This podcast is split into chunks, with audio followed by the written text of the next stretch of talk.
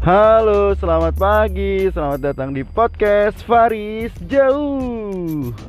Masih bersama Faris Jauh yang akan berangkat ke kantor pagi-pagi sambil bercerita tentang apa pun.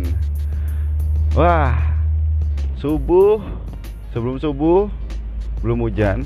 Gue kebetulan hari ini tuh tidur kecepetan. Iya, gampang tepar sekarang nggak tahu kenapa jam 8 jam 9 tuh udah tidur gitu. Kayak bapak-bapak ya. Terus habis itu tadi kebangun jam 2 jam 3 karena anak gua karena juga tidur kecepatan jadinya dia jam 3an bangun men. Mau nggak mau jam 3 bermain lah kita bersama anak gua. Baru anak gua lanjut tidur. Sampai sekarang gua belum tidur ya. Tadi sebelum subuh nggak hujan pas gue subuhan hujan sekarang pas mau berangkat udah berhenti. Emang cuaca bulan ini ya sudah sulit untuk diperuntukkan. Waduh diperuntukkan bahasa apa itu? Sudah sangat sulit untuk ditebak. Kadang hujan deres lama terus habis itu berhenti atau enggak hujan bentar tapi sering gitu. Ya udahlah yang penting kita tetap jaga kesehatan lah ya. Emang lagi musimnya aja Oke teman-teman, hari ini gue ingin membahas sesuatu yang ada di hatiku. Malah berdendang. Gue pengen membahas sesuatu yang akan dialami oleh semua anak muda yang kemudian menikah Terus habis itu memiliki anak Yaitu adalah berdamai dengan susu dan popok. Wow, wow, wow, wow, wow, wow, wow, wow. Jadi setiap orang yang habis menikah seperti yang gue bilang kan nanti pada suatu saat akan memiliki anak ya. Dan kalian juga harus mempersiapkan hal ini, susu dan popok kan nggak mungkin habis lahiran anak bisa pipis sama boker sendiri. Kalau bisa mah dari pulang rumah sakit udah room tour kita. Ini WC nya ini kamarnya. Habis itu dia jalan sendiri tik tik tik pipis. Hebat ya kalau anak kita kayak gitu. Tapi nggak mungkin kan? Jadi uh, fase yang akan kita alami ketika menjadi seorang ayah adalah uh, di anak usia yang mungkin baru satu hari, lima hari, yaitu adalah mempersiapkan susu dan popok. Sangat bersyukur sekali bila istri kita dilancarkan untuk memberikan ASI, baik itu dalam waktu yang singkat, tiga bulan, enam bulan, ataupun lama satu tahun sampai dua tahun ya. Karena pertama ASI itu memang sangat dibutuhkan dan sangat penting untuk anak kita meningkatkan imun tubuh anak kita terus habis itu kesehatan anak kita dan sangat direkomendasikan. Kecuali memang kalau kalian terdesak asinya belum keluar atau memang sangat sedikit atau cukup kering ya mau nggak mau kan kalian harus mempersiapkan susu formula kan. Untuk anak umur sehari biasanya disebut dengan kata newborn. Terus habis itu mungkin kalau misalnya kita ngomong secara mayor dulu ya uh, bila semua wanita yang melahirkan kemudian memberikan anaknya ASI maka kita juga harus mempersiapkan popok. Entah kenapa perlengkapan anak usia newborn ini wow luar biasa sekali ya. Sangat bukan sangat menggiurkan sangat mahal men apalagi popok popok newborn. Habis itu anak lo kan mungkin sampai setahun dua tahun. Biasanya ukuran itu ada newborn terus S habis itu M L terus biasanya diikutin sama kilogramnya. Ketika memiliki anak saya berubah menjadi bapak-bapak yang sangat tergiur dengan diskon popok ya. Dulu gue sangat aneh gitu ngelihat temen gue yang udah berkeluarga dan punya anak gitu ya. Mereka tuh ngelihat diskon harga miring untuk popok atau susu mereka tuh bisa beli untuk stok tuh 3 sampai 4 gitu. Jadi maksud gue mereka spending 400 500 tuh siap dengan harga segitu untuk mendapatkan kuantiti lebih banyak gitu ya. Dan sekarang gue mengalami itu dan berada dalam fase itu gitu. Jadi kayak anjir nih popok lagi diskon. Oke kita beli. Kayak gitu. Jadi sudah tidak ada tuh diskon apa? Motor mobil mainan video game tidak. Saya tidak tertarik. Saya tertariknya dengan diskonan popok dan susu formula. Iya, jadi pertama memang popok ya yang dibutuhkan. Dan itu emang lumayan banyak uh, memakan biaya kita tentunya. Dan juga penggunaannya untuk anak. Menurut gue dari dia bayi sampai umur kayak anak gue deh umur satu tahun tuh bukan cuman masa ukuran ya. Penggunaannya tuh juga lebih sering dan banyak. Bisa sehari empat sehari lima gitu. Ya kadang kan kita nggak mau ribet ya. Kalau dulu mungkin kita kecil masih dikasih popok kain gitu ya tapi kan tergantung kita telaten atau enggak. Nah yang penting kita supaya nggak ribet menyediakan popok dengan berbagai macam merek yang akhirnya gue mendapatkan pengetahuan tentang merek-merek popok gitu ya. Kayak Mami Poco, Pampers, habis itu Go One, wih terus habis itu Sweetie, wah banyak. Sampai gue tahu ada popok untuk orang dewasa. Kemudian yang namanya popok itu ya untuk anak gitu, bukan sekali pakai terus habis itu dia udah berak terus habis itu pipis terus habis itu lu biarin. Tetap lu harus gantiin gitu. Baik itu 3 jam 4 jam sekali atau misalnya habis berak ya langsung lu gantiin. Jangan lama kayak gitu. Karena apa? Kalau misalnya lama itu nanti malah bikin anak lu terkena infeksi di kulit bagian uh, itu di bagian selangkangan, di bagian penis, di bagian pantat gitu ya itu malah bisa jadi infeksi. Nah, biasanya nanti munculnya ruam. Jadi kayak lecet, merah-merah, terus habis itu kadang ada disertai bentol gitu ya. Ya, sekarang lu bayangin aja kita aja orang dewasa gitu ya. Lu bayangin punya ruam di daerah selangkangan atau daerah pantat gitu. Emang lu nggak kesel dan nggak sebel gitu? Ya perih men, apalagi anak kita gitu ya. Yang kita aja mungkin masih bisa nahan gitu ya. Tapi penyakit untuk anak seusia gitu kan masih sangat terasa sakitnya gitu. Malah bikin gak nyaman. Jadi walaupun dimudahkan dengan ada yang popok ya lo tetap juga harus mantau penggunaannya juga di anak lo. Terus habis itu dalam menemukan popok nggak langsung ya. Ternyata anak tuh ada cocok-cocokan popok ya temen gue istri gue orang tua gue juga bilang startlah dari popok yang paling murah. Yaitu adalah popok UMKM Wah mana ada ya? Maksudnya bukan popok buatan sendiri Tapi maksud gue dengan popok Dengan brand yang biayanya lebih murah gitu. Cobain dulu. Ya biasanya go on gitu ya. Mungkin Pokana gitu Mungkin harganya miring Terus habis itu lo bisa cobain ke anak lo. Kalau anak lo cocok dengan popok itu Alhamdulillah kalau misalnya tidak cocok maka harus berganti ke popok yang lain. Biasanya walaupun lu udah telaten penggunaan jam atau misalnya mengatur bagaimana penggunaan popok anak lu supaya iritasi nggak terjadi ya kalau misalnya nggak cocok ya nanti akan tetap ada ruam dan lecet gitu. Akhirnya itu dialami sama gua ya. Karena anak gue tuh uh, lumayan sering gonta-ganti popok jadi hampir semua merek udah dicoba hingga akhirnya kita bertahan dengan satu popok. Bahkan dia mungkin punya dua popok favoritnya dia walaupun dia nggak mengerti ya alias pantatnya dia yang ngerti dan daerah selangkangannya yang happy gitu ya. Itu yaitu mami pokok dan juga uh, pampers. Tapi kan harganya edan men Jadi di situlah jiwa emak-emak diskon saya muncul gitu. Kalau misalnya ada, oke, okay, Mami Poco Royal Soft yang paling mahal, harga 200 ribu. Dia potong langsung jadi harga 100 ribu dengan syarat apa pun kita harus beli. Karena itu penting ya. Kalau misalnya anak lu masih newborn terus habis itu daerah selangkangannya nggak enak tidurnya apalagi kalau anak lu yang udah mulai umur beranjak satu tahun gitu ya beranjak usia batita gitu atau balita ih dia aja duduk nggak mau bisa berdiri terus gitu mandi sakit terus habis itu. Bahkan anak gue bisa belajar jongkok karena dia nggak mau duduk waktu itu. Terus habis itu ruam karena tidak cocok popok habis itu ya mau nggak mau ini dong. Apa namanya? Dia capek akhirnya dia di situ malah bisa belajar jongkok. Ada plus minusnya ternyata ya. Dan mengobati ruam anak tuh nggak langsung ya men.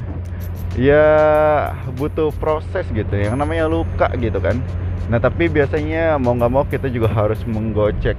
Menggocek harus mengambil uang lebih banyak dari saku kita untuk membeli salep untuk menyembuhkan luka gitu ya ya begitulah. Jadi kalau misalnya popok itu juga harus diperhatikan.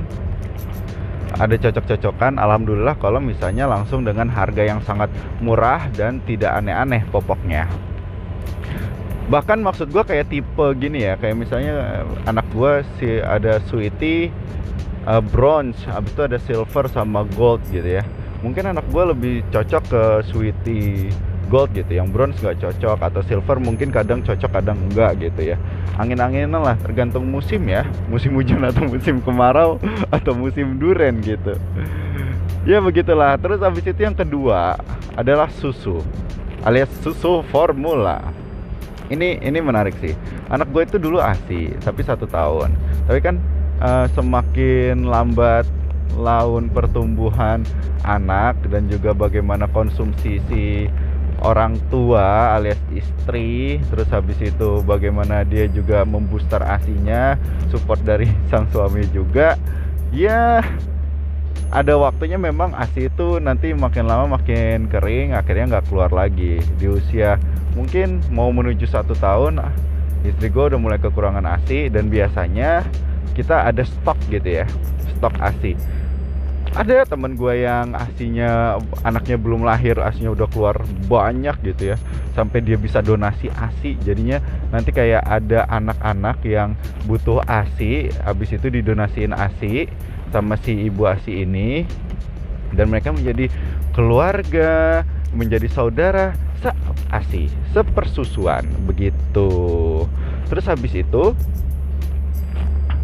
ketika masanya datang berhentilah si ASI ini ya akhirnya lo harus mencari ini susu formula yang tepat buat anak lo.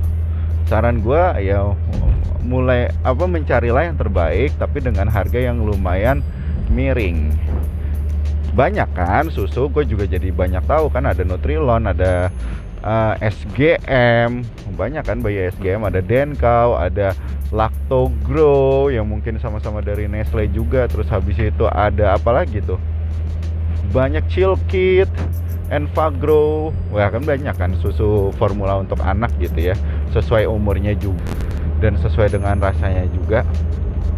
Namun apa yang terjadi bila ternyata anak lu alergi? Susu sapi. Waduh ini yang PR jadi dulu anak gua itu gua kasih pertama bebelak kalau nggak salah. Susunya bebelak untuk anak usia 1 sampai 3 tahun biasanya ya 1 3 4 5 gitu ya.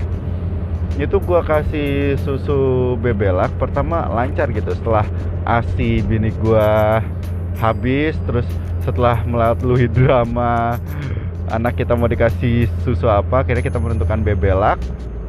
Setelah mencari-cari oh mungkin ini yang uh, middle tidak tidak tidak tidak low budget. Terus habis itu nutrisinya oke okay gitu kali buat si kecil. Akhirnya kita kasih bebelak. Ya anak gue doyan gitu. Ternyata muncullah sesuatu impact pada dia. Ternyata di anak gue tuh alergi susu sapi alergi susu sapi bentuknya kayak gimana dia tuh boker alias pup itu sehari bisa 3 sampai 4 kali setelah mengonsumsi susu itu. Habis itu nggak cuman itu diikutin sama uh, gatal-gatal di daerah kulit tubuhnya dia gitu. Jadi uh, apa ya? Dia suka garuk-garuk kayak gitu. Nah, itu tuh gatal. Nah, kita waktu itu tahan sebulan, dua bulan. Wah, kayaknya nggak cocok.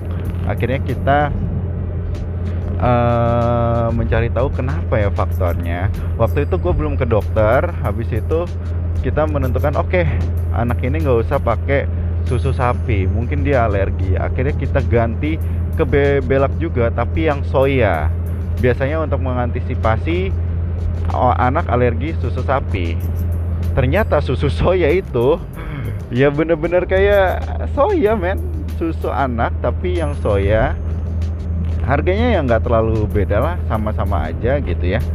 Tapi ini men baunya nggak enak. Rasanya juga nggak enak.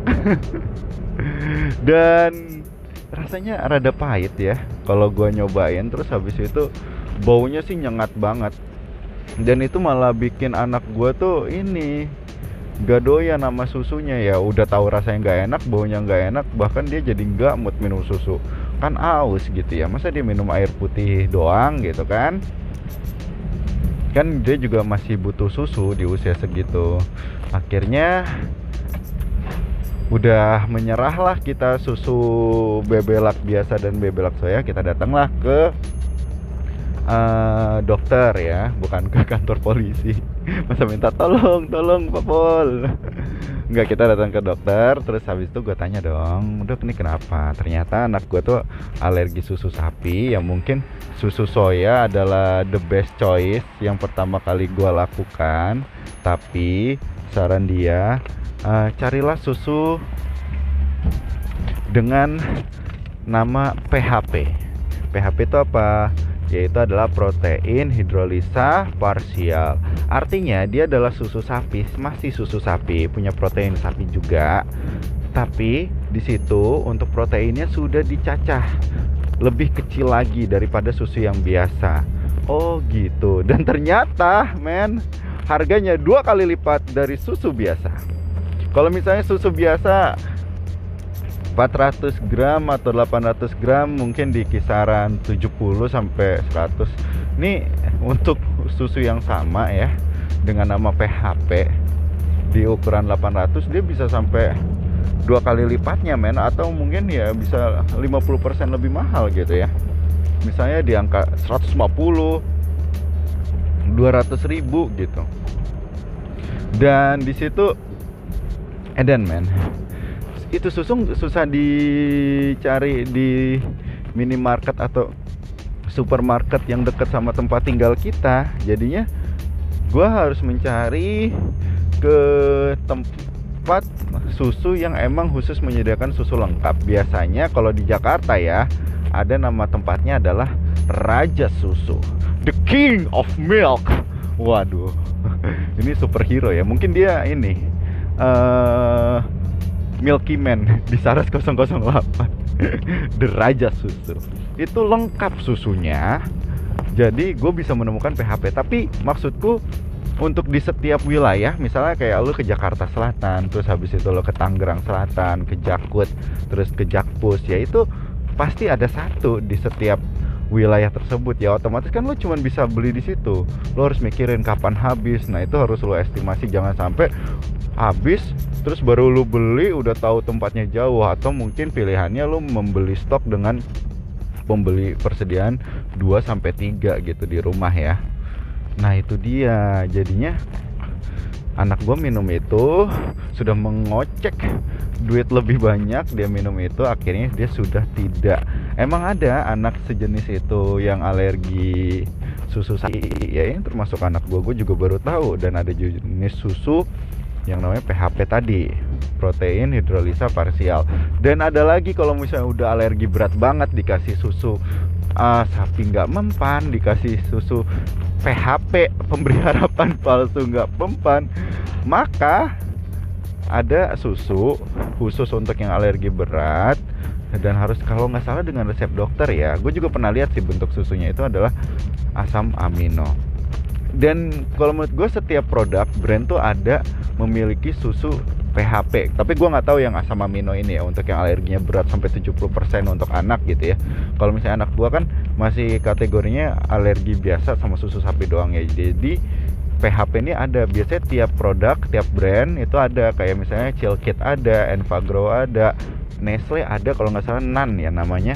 Dan setiap susu tuh ada. Nanti lu tinggal cari the best price buat lo dan untuk kebutuhan anak lo dari situlah gue angkat tema berdamai sama susu dan popok karena tahun lalu mungkin gitu ya anak gue masih pakai asi kebutuhannya yang lumayan terasa popok tapi kan ketika dia udah support akhirnya double kill kan. Ke guanya juga dua kali lebih ke keluarga kita atau misalnya ke gue juga pengeluarannya dua kali. Bentar ya men. Pagi pak. Siap udah sampai kantor. Jadi kan karena lu harus berdamai dengan pengeluaran baru lu seperti susu dan popok ya mau nggak mau ada yang harus dikurangin juga dari konsumsi lu sendiri gitu ya. Yaitu namanya pengorbanan seorang ayah. Lu nggak bisa beli baju baru sepatu gaul nongkrong di tempat yang hebat terus habis itu nggak bisa beli video game kesayangan lu. Berhenti membeli action figure dan juga komik-komik impor. Ya itu merupakan suatu pengorbanan. Tapi jangan mau lu dikata lemah itu lu seorang pahlawan men. Karena lu kan punya anak gitu ya. Uh, memang harus ada sesuatu yang dikorbankan. Sesuatu yang apa ya Iya itu kan sesuatu yang mungkin dulu bisa kita sediakan mungkin sekarang nggak bisa disediakan ya nggak ada masalah. Yang penting anak kita kan sehat gitu ya kuat gitu. Pastilah seorang ayah akan suatu hari dan ke depannya berdamai dengan itu. Pengen ada pengen. Tapi mungkin secara logika atau mungkin secara pemikiran lu makin lama lu juga makin berpikir oh ya udahlah anak gua dulu. Jadi prioritasnya anak gua dulu kayak gitu. Nanti kalau ada lebih baru bisa beli ya dong. Yang penting kebutuhannya lu istri lu keluarga lu sama anak lu dulu baru mikirin yang lain-lain seneng jadi tercukupi. Semoga kalian yang baru memasuki fase memiliki anak bisa berdamai dengan suatu hal tersebut dan lancar-lancar dan sehat-sehat anak kalian dan tepat memilih popok dan susu yang terbaik buat kalian. Karena gue sudah sampai kantor thank you buat dengerin dan nemenin gue podcast sampai di sampai nyampe kantor. Dan sampai jumpa di podcast gue berikutnya dengan cerita yang lainnya. Dadah 안.